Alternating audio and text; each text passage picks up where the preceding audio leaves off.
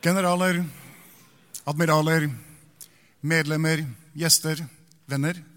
Varmt velkommen til enda et medlemsmøte i Oslo Militære Samfunn. Som eh, alle har fått med seg nå, så blir det selvsagt også dette semesteret noen endringer i møteprogrammet. Hvorfor sjef PST var opptatt i dag, har vi jo sett siden i formiddag på nyhetene alle sammen. Så de endringene som eh, har skjedd, det er jo at den foredragsholderen som dere ser eh, oppført her, og eh, han skal introdusere om litt. Men mandag 6. mars kommer sjef PST. Mandag 24. april setter vi opp det foredraget om droner og hva det er for noe, i sin fulle bredde. To foredragsholdere fra FFI som kommer hit til oss da. Og det, den paneldebatten om totalforsvaret som vi hadde planlagt, den blir ikke noe mindre aktuell til høsten, så den står på programutkastet til eh, høsten. Mange av oss har tjenestegjort på Balkan. Noen av oss en del kontingenter på Balkan. For eh, når Sovjetunionen brøt sammen, så rev jo det lokket av spenninger og konflikter som har vært holdt nede i 50 år. Etniske, religiøse, mange politiske konflikter som blomstret opp når dette skjedde. Verdenssamfunnet krevde en slutt på massemyrderier og på brutaliteter. Eh, og militære styrker ble satt inn, og ganske mange nordmenn har tjenestegjort på Balkan. Det ble ganske mange kontingenter på oss, og det er styrker der enda. Førsteamanuensis Håkon Lunde Saksi fra Forsvarets høgskole, Forsvarets stabsskole, har skrevet historien om denne innsatsen. Krig i Europa. Forsvaret på Balkan 1992-2005 er navnet på aftenens foredrag. Og på én ukes varsel Han måtte bare sjekke at han hadde barnevakt først. Så stilte Håkon opp, så jeg er veldig glad for å ønske deg velkommen hit i kveld, eh, Håkon. Talestolen er din.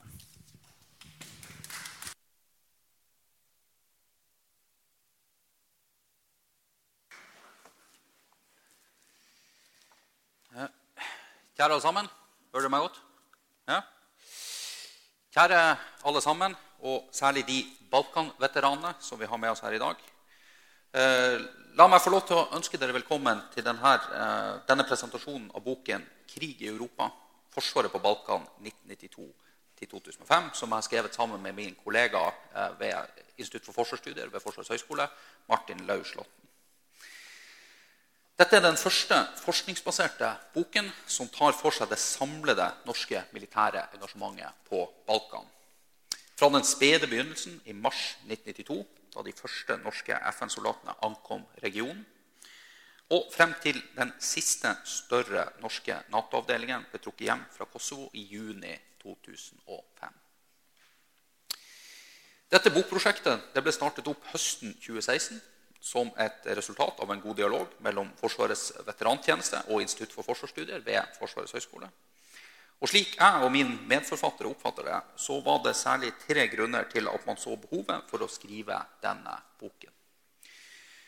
For det første så hadde Forsvaret relativt liten kunnskap om hva man selv faktisk hadde vært med på eh, på Balkan på 1990- og 2000-tallet. Altså, Den institusjonelle hukommelsen i Forsvaret den var i stor grad knytta til de enkeltindividene som hadde gjort tjeneste der på Balkan. Og Mange av disse personene de begynte etter hvert å nærme seg pensjonsalderen. Og, eller var enda i ferd i noen tilfeller med å, med å gå ut av, av, tiden. Og Da ville mye av Forsvarets egen kunnskap om hva, man hadde vært med på, den ville blitt eh, tapt og borte. Eh, og kanskje tapt for alltid. Og Et eksempel på dette er hvordan Norges første styrkesjef på Balkan, oberste Odd Solheim, døde nå i julen. Solheim var en av de første som vi intervjuet i forbindelse med Balkanprosjektet. Min kollega Martin var to ganger hjemme hos Solheim på Eidsvoll. Fikk servert bakevarer og kaffe og snakket med ham om de eh, første månedene i Bosnia eh, og i Kroatia i 1992. Og en kopi av dagboken hans fikk vi også låne. Så Hadde vi startet dette prosjektet i dag, så ville vi ikke få gjort dette verdifulle intervjuet. Og med all sannsynlighet så ville vi ikke fått tilgang til denne verdifulle dagboken, som ga oss innsyn i disse første månedene i, i, på Balkan. For det andre så hadde det norske samfunnet lite kunnskap om Balkanperioden i norsk forsvarshistorie. Norges militære engasjement på Balkan hadde i stor grad havnet i skyggen av den etterfølgende Afghanistan-perioden. Eh, og Skuer vi f.eks. til memoarer og dokumentlitteratur, så finnes det i dag forsvinnende få bøker som tar for seg norske, den norske soldatverndagen på Balkan. Beretninger fra Libanon og Afghanistan dominerer fortsatt i hyllene på landets folkebiblioteker. Og For det tredje så opplevde vi at det var ønskelig å få skrevet en samlet, helhetlig skildring av det norske militære Balkanengasjementet for å få mer oppmerksomhet omkring denne perioden. Og ikke minst for å gi anerkjennelse til de mer enn 12 000 norske Balkan-veteranene som hadde tjenestegjort på Balkan i løpet av et mer enn 13-årig engasjement, da Norge hadde større militære avdelinger utplassert i regionen. Anerkjennelse og respekt vises ved at man tar veteranenes erfaring som historiske aktører på alvor. Og vi, vi opplever at historiefaglig forskning har etablert seg som en effektiv måte å oppfylle skiftende regjerings ambisjoner om å gi norske soldater anerkjennelse for sin innsats i internasjonale militære operasjoner. Og til sist så var det faglig interessant og relevant for Forsvarets høgskole, eh, for Forsvarets høgskole å drive med dette. For en høyskole som utdanner fremtidige militære spesialister og offiserer, så er det viktig å igangsette grunnforskning om militære operasjoner i vår nære fortid. Og Balkan-prosjektet var derfor også et ønsket tilskudd i høyskolens eh, forskningsportefølje. Så dette var også sett med våre øyne årsaken til at vi startet opp dette prosjektet for rundt seks år siden. Men hvordan gikk vi så fram når vi skulle skrive historien om Norges militære Balkan-engasjement? Hvordan finner vi ut hva som har skjedd for 20 eller til og med 30 år siden? En måte å få kunnskap på er selvfølgelig å snakke med de som har vært der, gitt at vi kan finne frem til disse enkeltindividene. Intervjuer er én verdifull kilde til førstehåndsinformasjon om historiske hendelser og prosesser, men det er samtidig ikke en uproblematisk kilde. Mye kan skje med minner om hendelser og prosesser som ligger 20-30 år tilbake i tid. Så det vi startet med å kartlegge og samle inn, det var det vi på fagspråket kaller for eh, skriftlige primærkilder. Altså kilder som var skrevet ned av aktørene i samtiden kort tid etter at hendelsene som de beskriver, hadde funnet sted. Og Disse kildene det fant vi primært i offentlige arkiver samt i enkelte privatarkiver. Det sies at et bilde sier mer enn 1000 ord. Eh, og Da vi gravde gjennom prosjektarkivet nylig, så fant vi dette bildet her. Her ser vi et lite øyeblikksbilde tatt av forskerne, litt yngre forskere den gangen, engasjert på Balkanprosjektet ved Forsvarets høgskole ca. 2017 ved Institutt for forsvarsstudiets gamle lokaler i Kongens gate her i Oslo. Og Det vi arbeider med her, det er, eh, på dette bildet, det er kopier av arkivmateriale fra Forsvarsdepartementets arkiv samt arkiver deponert, Forsvarets arkiver deponert på Riksarkivet. Så ser vi en selvbiografi skrevet av en av aktørene på Balkan. I dette tilfellet sjefen for den danske stridsvognseskvadronen i Bosnia. Den berømmelige oberstløytnant Møller, som kanskje mange kjenner, som avfyrte disse berømmelige 72 105 mm-granatene mot de bosniske serberne. Eller det var hans avdeling som avfyrte dem. berømmelig. Eh, og til sist så ser vi eh, et eksempel på det vi kan kalle for sekundærlitteratur. Altså skriftlige kilder skrevet om noe, men ikke av de aktørene selv som har, har, eh, har vært der. Typisk sekundærlitteratur er jo bøker og artikler skrevet av andre forskere. Og Vi må berømme Forsvarsdepartementet og Forsvaret samt alle regjeringene som satt med regjeringsmakten med, mellom 1992 og 2005 for å ha gitt oss omtrent ubegrenset tilgang til norske arkivmateriale fra denne perioden. Og Særlig fornøyd er vi med å ha fått tilgang til alle de dokumentene som lå til grunn for norske regjeringers beslutninger om å sende militære styrker til Balkan. Altså de såkalte regjeringsnotatene samt notatene fra Regjeringens sikkerhetsutvalg. Denne arkivtilgangen gjorde at vi hadde et veldig godt skriftlig primærkildegrunnlag for å skrive om Forsvaret på Balkan, og særlig visste vi mye om hva man hadde tenkt her i Norge, altså i statsråd, i regjeringskonferanser, i Forsvarsdepartementet, i Forsvarets overkommando, i distriktskommandoene og i de oppsettende hjemmeavdelingene. Så Grovt sett så kan vi si at vi visste ganske mye om det politisk-strategiske og militærstrategiske nivået hjemme i Norge. Det fellesoperative nivået det skriver vi relativt lite om i boken. Rett og slett fordi dette var et multinasjonalt nivå hvor norske offiserer og befal kun utgjorde en liten del av staben. Men det vi etter hvert oppdaget at vi mistet minst om, det var det som hadde skjedd på bakken i innsatsområdet på Balkan. på det vi, vi ved stabsskolen eh, liker å omtale som taktisk eller subtaktisk nivå. Det var ikke alltid lett å bli klok på det som hadde skjedd på dette nivået, basert på korte og konsise dagsrapporter og ukesrapporter som ble sendt hjem til Oslo. Og Kontingensrapporter og kontingensbøker de er ofte skrevet av og for de innvidde på en måte som gjør at den informasjonen du trenger 30 år senere, kan være veldig vanskelig å trekke ut av, av slike dokumenter.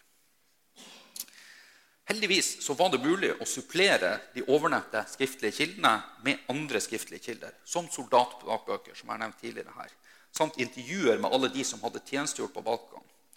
Så siden vi visste mest om det man hadde gjort og tenkt i Norge, men minst om det som hadde skjedd på bakken, så konsentrerte vi vår intervjuvirksomhet om norsk militært personell som hadde tjenestegjort i FN- og Nato-operasjoner på, på, eh, på, Balkan. Og De som leser intervjulisten helt sist i boken, de vil se at det er stort sett indianere på bakken, altså stort sett militære ledere, da, men militære ledere på bakken i innsatsområdet som intervjuer, heller enn høvdingene hjemme i, hjemme i Norge.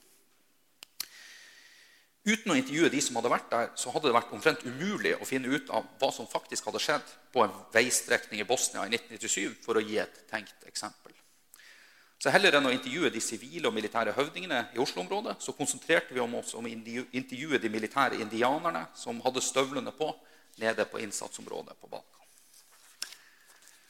Så Det var litt om hvordan vi gikk frem. Men hva fant vi så ut? Hva har vi lært om Forsvarets innsats på Balkan? Ja.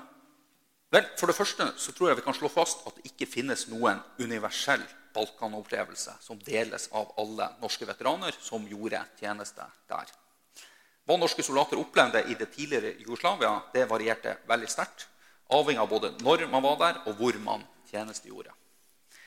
Likevel så finner vi noen mønstre og strukturer i historien, og vi har valgt å dele opp vår bok i tre hoveddeler som korresponderer med tre distinkte perioder i Norges 13-årige militære Balkan-engasjement. Og Disse er da respektivt eh, FN-perioden fra, fra, mars 1992 til desember 1995. Nato-perioden eh, i Bosnia fra desember 1995 til august 2000. Og til sist eh, Nato-perioden i Kosovo og Makedonia fra 1999 til 2005. Så Her forfølger vi altså hovedstrømningene og hovedbidraget i det norske militære Balkan-engasjementet. Og Hver av disse historiske periodene hadde sitt distinkte særpreg. Som dere ser, så har vi skrevet en ganske omfattende bok på 672 sider. Og det er mye man kunne hente fram av analytiske funn og interessant empiri.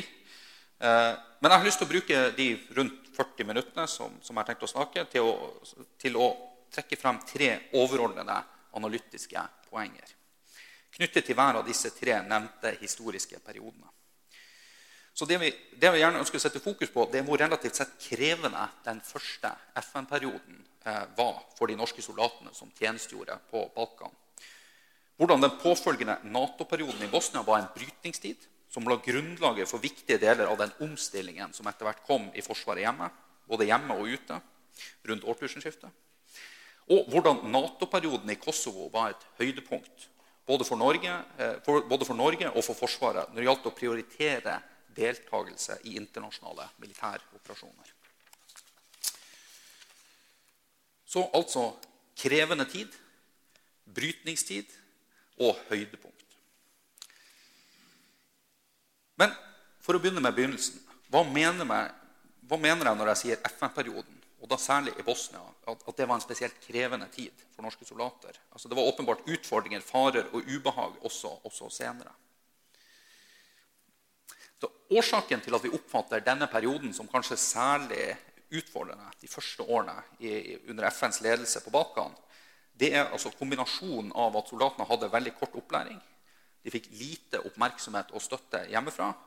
Og de i, opererte i et særdeles utfordrende operasjonsmiljø. Med en svært kort opplæring i Norge, på bare to til tre uker eller kortere, i mange tilfeller, og til dels enkel eller mangelfull militær utrustning, så ble norske soldater sendt til Balkan for å gjøre en farlig jobb for Norge, for FN og for det såkalte internasjonale samfunnet.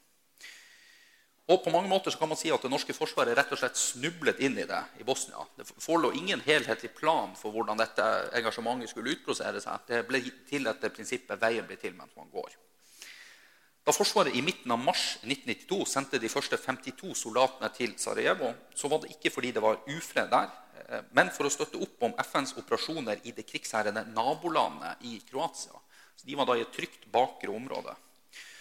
Og Byen fremsto i denne første tiden som en fredelig plass, hvor norske soldater spaserte ubevæpnet rundt i gatene om dagen og drakk øl på de lokale kneipene om kvelden. Og Dette endret seg jo da, som dere alle vet, i løpet av veldig kort eh, tid. Hvor det da begynte å revne også i Bosnia. Og I løpet av de første ukene av april 1992 så brøt det ut kamper i Sarajevo. Så det i utgangspunktet trygge bakre hovedkvarteret til FN-operasjonen UNPROFOR den ble i løpet av april og mai til en aktiv krigssone, hvor bombekastegranater og skarpskyttere preget byen. Og Dette illustrerer godt hvor uforutsigbar utviklingen på Balkan kunne være, og hvor lite man visste når man sendte ned militære kontingenter. I Bosnia hvor det norske militære hovedbidraget på Balkan eh, etter hvert ble utstasjonert, så ble de plassert midt inn i denne aktive krigssonen. De var utstyrt med en lang rekke mandater vedtatt av FNs sikkerhetsråd i fjerntliggende New York, som ga dem mye ansvar, men begrenset med makt og myndighet. Hovedkvarteret til FN-styrkene, Hovedoppgaven til FN-styrkene var å drive flyplassen i Sarajevo. Det var å eskortere nødhjelpskonvoier. Og det var til sist å avskrekke, de, avskrekke, angrep fra de stridende partene mot seks såkalt sikre områder, som var definert av Sikkerhetsrådet som såkalt sikre områder. Og av disse tre oppgavene så ble det å avskrekke angrep mot Tusla i Nordøst-Bosnia som ble den særlige hovedoppgaven for den nordiske FN-styrken som ble sendt til Bosnia høsten 1993, hvor norske, hoved, uh, hoveddelen av de norske soldatene inngikk. Men hva dette betydde i praksis, og hvordan FN-styrkene skulle gjøre dette i Bosnia, det var høyt uklart. Og det forble høyst uklart gjennom omtrent hele Bosnia-krigen. Det underliggende problemet, det var mange problemer, men Et av de underliggende problemene var jo at de lokale partene i Bosnia-krigen var overlegne FN-styrkene i antall soldater, i ildkraft og i tunge våpen. Noe som gjorde at selv der hvor FN-styrkene kanskje kunne oppfattet som å være bemyndiget til å bruke våpenmakt, så var de i praksis ofte henvist til å forhandle med partene. Og Som et resultat av sin underlegenhet så ble FN-styrkene et lett offer for trakassering og beskytning fra de stridende partene, og da særlig fra de bosniske serberne, som aktivt beleiret byene som Sikkerhetsrådet hadde besluttet eh, at FN-styrkene skulle beskytte eller avskrekke angrep. Det hjalp heller ikke at FNs kommandoapparat og logistikkorganisasjon var håpløst underdimensjonert for oppgaven med å lede de store FN-styrkene på Balkan på 1990-tallet. De norske FN-avdelingene i Tyskland var nok et ekstra mykt mål eh, for denne trakasseringen og beskytningen, da de bare var militære støtteavdelinger og ikke kampavdelinger.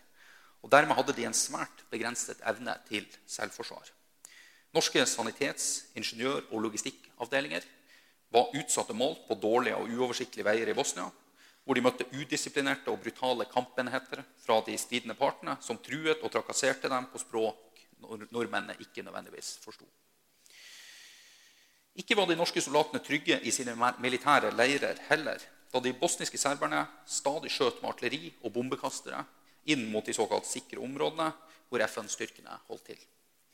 Den teoretiske muligheten til å kalle inn luftstøtte fra Natos kampfly lot seg nesten aldri benytte pga. det tungrodde systemet for å få godkjent en slik støtte. Det er ikke tilfeldig at den eneste norske soldaten som ble drept på Balkan som et resultat av fiendtlige handlinger, Atle Tonstad, ble drept nettopp i en slik beskytning fra bosnisk-serbisk artilleri i oktober 1992. Samtidig som de norske soldatene på Balkan opplevde disse tøffe forholdene, så var det svært begrenset med fokus og oppmerksomhet på dem hjemmefra. Forsvarets hovedoppgave på 1990-tallet forble jo som kjent invasjonsforsvar i Nord-Norge. Og erfaringen fra deltakelse i internasjonale operasjoner var snarere ansett som en hemsko heller enn en fordel om man ville gjøre karriere i Forsvaret tidlig på 1990-tallet. Oppfølgingen av soldatene etter hjemkomsten sto nok også langt tilbake for det som vi er vant med i dag. En av, datidens, en av datidens tilnærming til hvordan man kunne stille mest mulig forberedte soldater og, og, avdelinger, er derfor interessant å se litt nærmere på. Mye tyder nemlig på at man i alle fall i førstekontingentene bevisst la opp til å bruke flest mulig veteraner fra tidligere internasjonale operasjoner. Og da selvfølgelig gjerne fra Unifil i Libanon. Så FN-veteranene FN dominerte nemlig de første kontingentene som Forsvaret satte opp. Kanskje var dette for å bøte på de svakhetene som man kanskje visste var der i den rekrutterings- og oppsetningsmodellen som man hadde. I ingeniørtroppen, som i november 1992 ble sendt i UNPROFORs nyetablerte Say hello to a new era of mental health care. Cerebral is here to help you achieve your mental wellness goals with professional therapy and medication management support. 100% online. You'll experience the all new Cerebral Way, an innovative approach to mental wellness designed around you. You'll get a personalized treatment plan from a therapist, prescriber, or both in a safe and judgment free space. Your cerebral therapist or prescriber will outline a customized plan with clear milestones along the way so you can get to feeling your best. With Cerebral, you're not alone in your mental health journey. We're here to empower you to live a fulfilling life.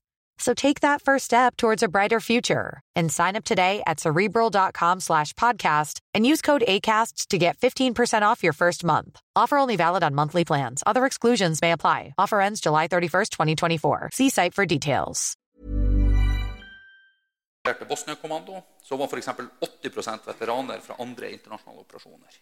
I transportkontrollenheten som Forsvaret hadde deployert i mars samme år, så hadde 90 av soldatene tidligere erfaring fra internasjonale operasjoner. Og Mønsteret gjorde seg gjeldende også andre steder hvor Forsvaret sendte første kontingenter i denne perioden, som i Makedonia, hvor over 80% av soldatene i infanterikompaniet som ankom der i februar 1993, var, var erfarne FN-veteraner. Men som sagt, FN-perioden, og da særlig tjenesten i Bosnia, var nok blant de tøffeste og mest utfordrende som norske soldater opplevde på Balkan. hvis vi ser hele Balkanperioden under ett. Perioden står i sterk kontrast til den senere Nato-perioden, der Norge deltok med robuste kampavdelinger som om nødvendig skulle gjøre bruk av våpenmakt for å påtvinge eh, partene en fredsavtale. Likevel så hørte det med til sjeldenheten at norske soldater senere i Nato-perioden faktisk måtte bruke våpenmakt. Eh, og i Bosnia eller Kosovo. Og, og, dette skyldtes nok i stor grad at Nato-styrkene senere var militært overlegen på bakken. Og det gjorde at de lokale partene sjelden i noe grad forsøkte å utfordre deres autoritet og, og myndighet. Man skal selvsagt være forsiktig med å trekke for mange generelle slutninger ut av dette. Men en lærdom som mange har tatt med seg fra Balkan-intervensjonene eh, i denne perioden, er nok at om man først skal intervenere militært, så bør man gjøre det med overveldende militære styrker og med et robust mandat som gir intervensjonsstyrken myndighet til å gjøre bruk av de vaktmidlene de bringer med seg. Til tross for at de norske avdelingene innledningsvis var støtteavdelinger, så hadde de, de, likevel vilje og evne til å påta seg en rekke risikable oppdrag, som ved flere anledninger plasserte dem i begivenhetenes sentrum under den, de tre og en halv årene som Bosnia-krigen varte. I februar og april 1994 så gjennomførte f.eks. Det norske sanitetskompaniet risikable evakueringsoperasjoner i Sarajevo og Gorace under direkte ild fra bosnisk-serbiske styrker.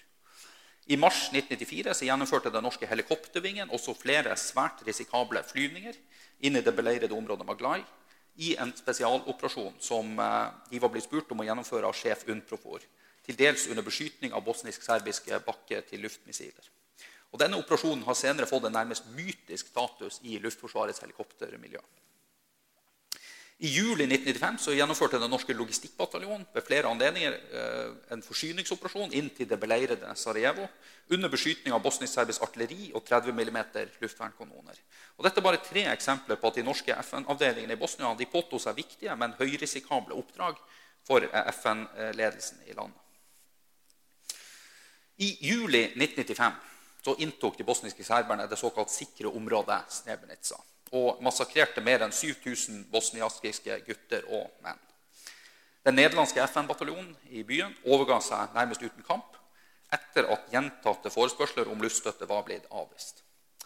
Og Det er jo interessant å merke seg at de nordiske landene et par år tidligere eh, antageligvis klokelig hadde sagt nei da de ble bedt og sågar beordret av FN-ledelsen i Bosnia om å ta ansvaret for det sikre området Srebrenica. Og jeg sier at eh, Det var nok klokelig at dette ble avvist, for jeg tror ikke vi skal ha noen store illusjoner at det ville gått så mye bedre med Srebrenica hvis det hadde vært en nordisk styrke i byen, men det ville nok vært en traumatisk opplevelse for Norge og de andre nordiske landene hvis vi, vi hadde hatt ansvar for byen. I kjølvannet av Srebrenica-massakren høsten 1995 så sørget et koordinert kroatisk og bosniakisk offensiv på bakken, kombinert med en luftoffensiv fra Nato og artilleriangrep fra en nå mer robust FN-styrke, for å gjøre slutt på Bosnia-krigen. Norges deltakelse i denne offensiven var i hovedsak symbolsk. Men Norge sluttet lojalt opp om FN og Nato når våre allierte hadde besluttet at det var på tide å få slutt på denne krigen. Så I desember 1995 så blir den såkalte Dayton-avtalen undertegnet. Fredsavtalen som endelig gjorde slutt på Bosnia-krigen etter tre og et halvt år. Og Et helt sentralt punkt i denne avtalen det var at en FN-mandatert, men Nato-ledet fredsstyrke på inntil 60 000 soldater skulle deployeres til Bosnia for å sørge for at partene etterlevde fredsavtalens militære bestemmelser. Disse årene der Norge stilte styrker under Nato-kommando i Bosnia, det vil vi betegne som en brytningstid. Altså en tid preget av forandring og omveltning. I samtiden var det ikke alltid klart hva som foregikk. Men i ettertid så fremstår det som tydelig at Bosnia-tiden representerer en overgang fra én æra til en annen. Denne perioden er en lærings- og modningstid for både Forsvaret, for norske politikere, for det norske embetsverket og for det norske samfunnet. Alle må på sitt vis lære seg hvilke krav som stilles til et land og en militær organisasjon som skal delta med kampstyrker i en fredstvingende operasjon under Nato-kommando. Og Det vokste etter hvert frem en forståelse av at mye av det man hadde gjort tidligere, ikke lenger holdt mål i møte med den nye tid. Likevel så rekker man knapt å fullføre de organisatoriske og kulturelle endringene som starter i Bosnia, før Bosnia-perioden brått avsluttes rundt årtusenskiftet. Innledningsvis så virket endringene i denne perioden likevel beskjeden. De eh, norske avdelingene i Bosnia, på bakken i Bosnia de endrer seg lite med overgangen, freds, eh, overgangen til en fredstvingende og Nato-ledet eh, operasjon. Selv om fargen på kjøretøyene selvsagt skiftet fra hvit til grønt. Og De norske avdelingene de fortsatte å være militære støtteavdelinger innenfor logistikk og sanitet. Eh, og Det ble fortsatt hevdet men med stadig mindre grad av troverdighet, at Norge hadde et komparativt fortrinn med å stille slike avdelinger. Men dette endret seg i løpet av ganske kort tid. Og For å nevne noen brytningspunkter i disse årene. De norske avdelingene endret karakter i starten av 97, fra støtteavdelinger til kampavdelinger. Man startet arbeidet med å endre måten avdelingene ble rekruttert, satt opp og trent, eh, og som etter hvert ble helt lagt om. Kulturen i de norske utenlandsavdelingene gjennomgikk samtidig en glidende overgang fra å være mer sivilpregede problemløsere med et avslappet forhold til militær disiplin og militære grunnferdigheter, til å bli mer krigerpregede soldater. Norske, norske politiske beslutningstakere fikk etter litt prøving og feiling mer erfaring med og forståelse for hva det vil si å avgi norske militære styrker til fredstvingende Nato-ledede operasjoner.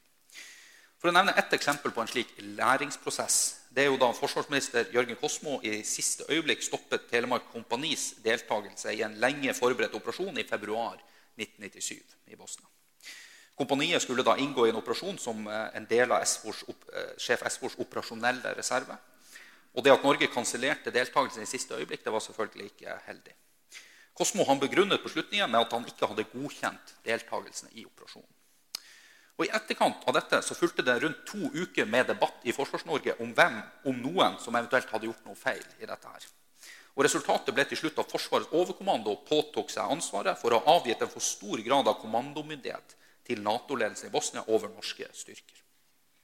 Og Denne episoden den er illustrerende for hvordan både soldatene på bakken, forsvarsledelsen i Norge og politisk ledelse i regjeringskontorene og på Stortinget gradvis måtte lære seg hva det innebar å delta i en Nato-ledet fredstvingende operasjon og dette var litt forskjellig fra det å delta i en tradisjonell FN-ledet operasjon. Samtidig er det viktig å påpeke at omtrent ingen av de ovennevnte endringsprosessene eh, som startet i Bosnia, faktisk ble fullført og fullbyrdet før det norske hovedbidraget på Balkan blir overflyttet til Kosovo i 1999. Så Dermed er det i Kosovo og etter hvert i Afghanistan at disse utviklingstendensene blir fullbyrdet. Men det starter med all tydelighet i Bosnia.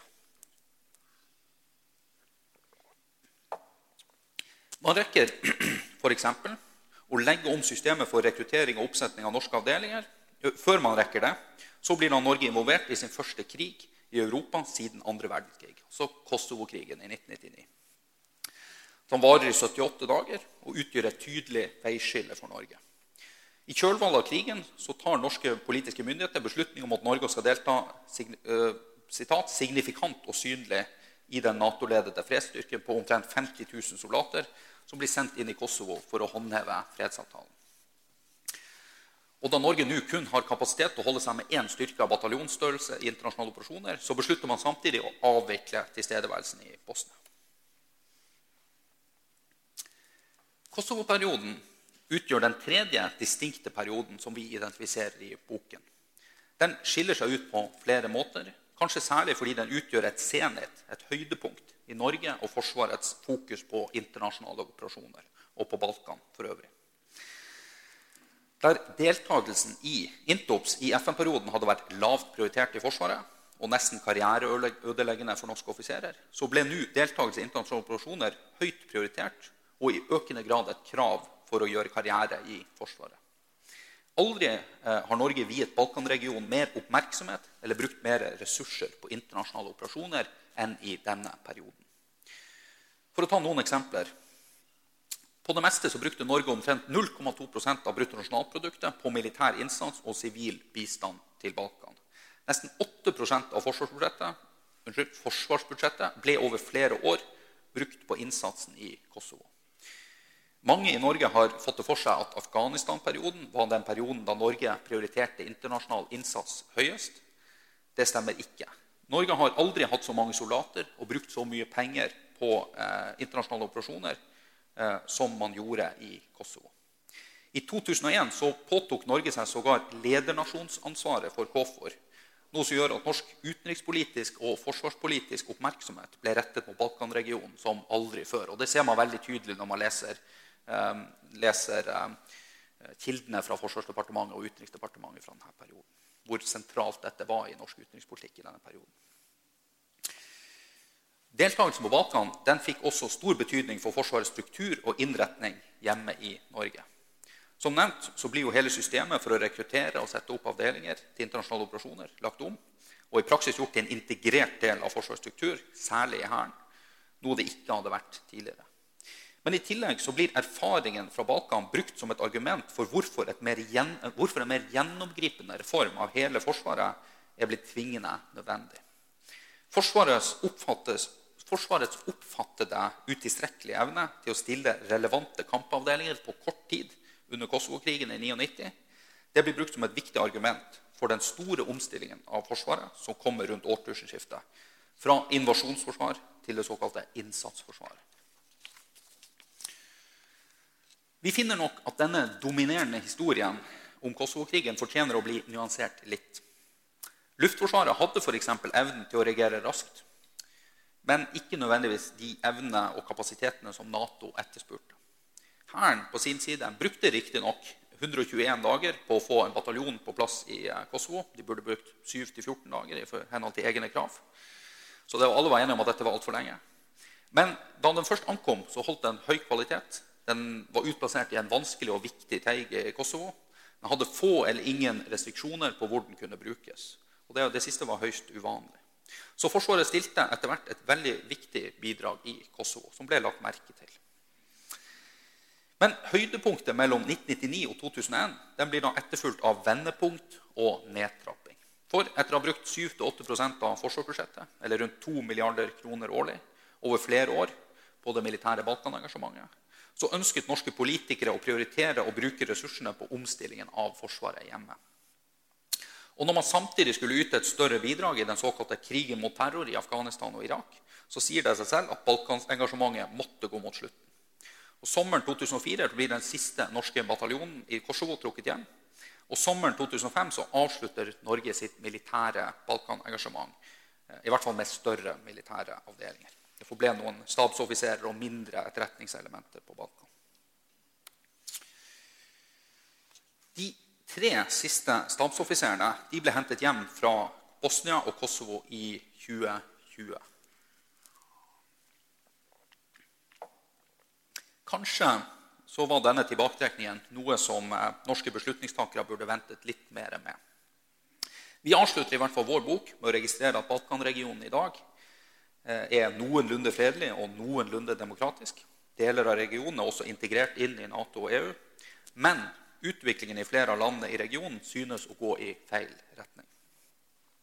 I Bosnia så knaker det i Dayton-avtalenes strukturer, særlig fra den gryende separatismen i Republika Serbska.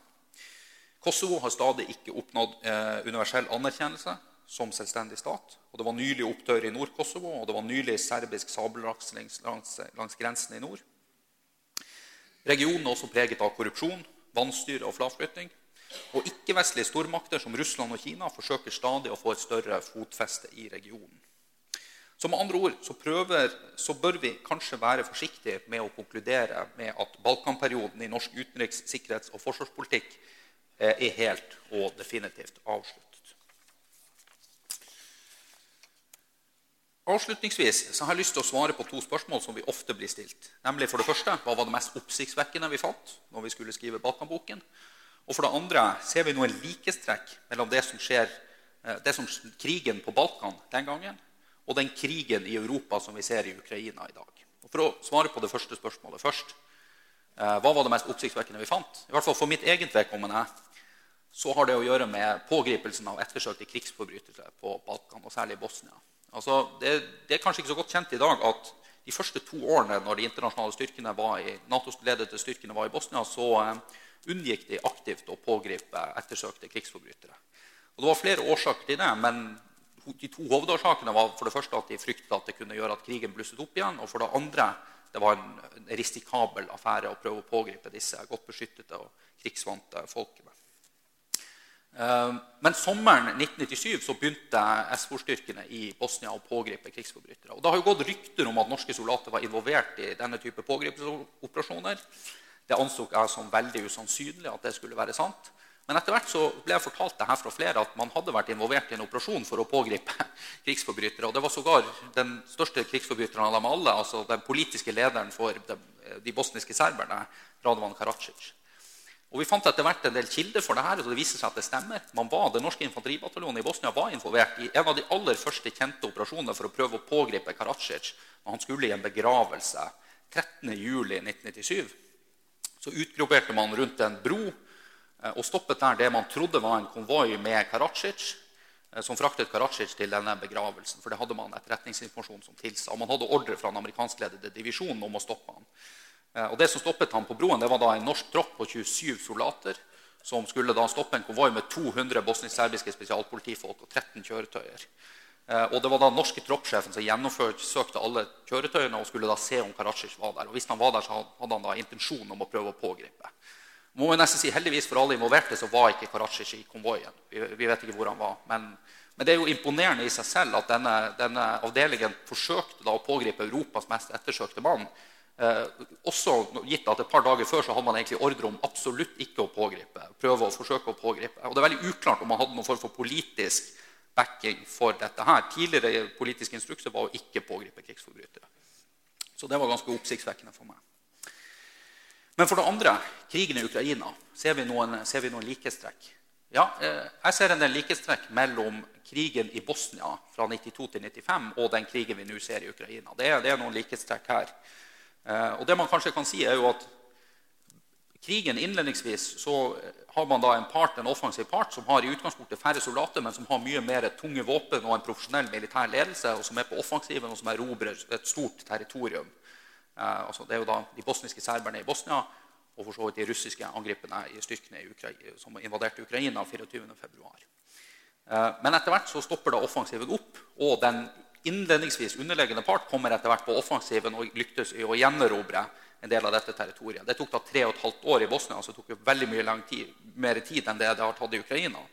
Og det skjedde til dels, Men i begge tilfellene så skjedde det til dels som et resultat av internasjonal våpenbistand, eh, og at de selv ble bedre organisert og, og oppviste en stor eh, forsvarsvilje. Så det er en del operative militære likhetstrekk eh, mellom det vi ser. Og det som skjedde i Bosnia, var jo at de bosniske serberne innså at de var i ferd med å tape krigen og dermed var villig til å inngå en fredsavtale. Og Det er jo det man kan håpe på at eventuelt kan skje i Ukraina eh, hvis det russiske politiske ledelsen på et eller annet tidspunkt innser at, de ikke er i stand til å erobre og, og nedkjempe Ukraina som politisk og militær entitet. Men så er det selvfølgelig noen viktige eh, forskjeller her. Eh, I Bosnia fikk man en internasjonal intervensjon til støtte for bosniakene og kroatene i praksis. Eh, og man fikk en flyforbudssone før det. Eh, og fra høsten 95 også en direkte militær intervensjon fra Nato. Natos første skarpe militære operasjon. Det er veldig usannsynlig at vi blir å se i Ukraina. Fordi de bosniske serberne er en helt annen, og var en helt annen politisk og militær størrelse enn det stormakten Russland er, som er verdens største atommakt.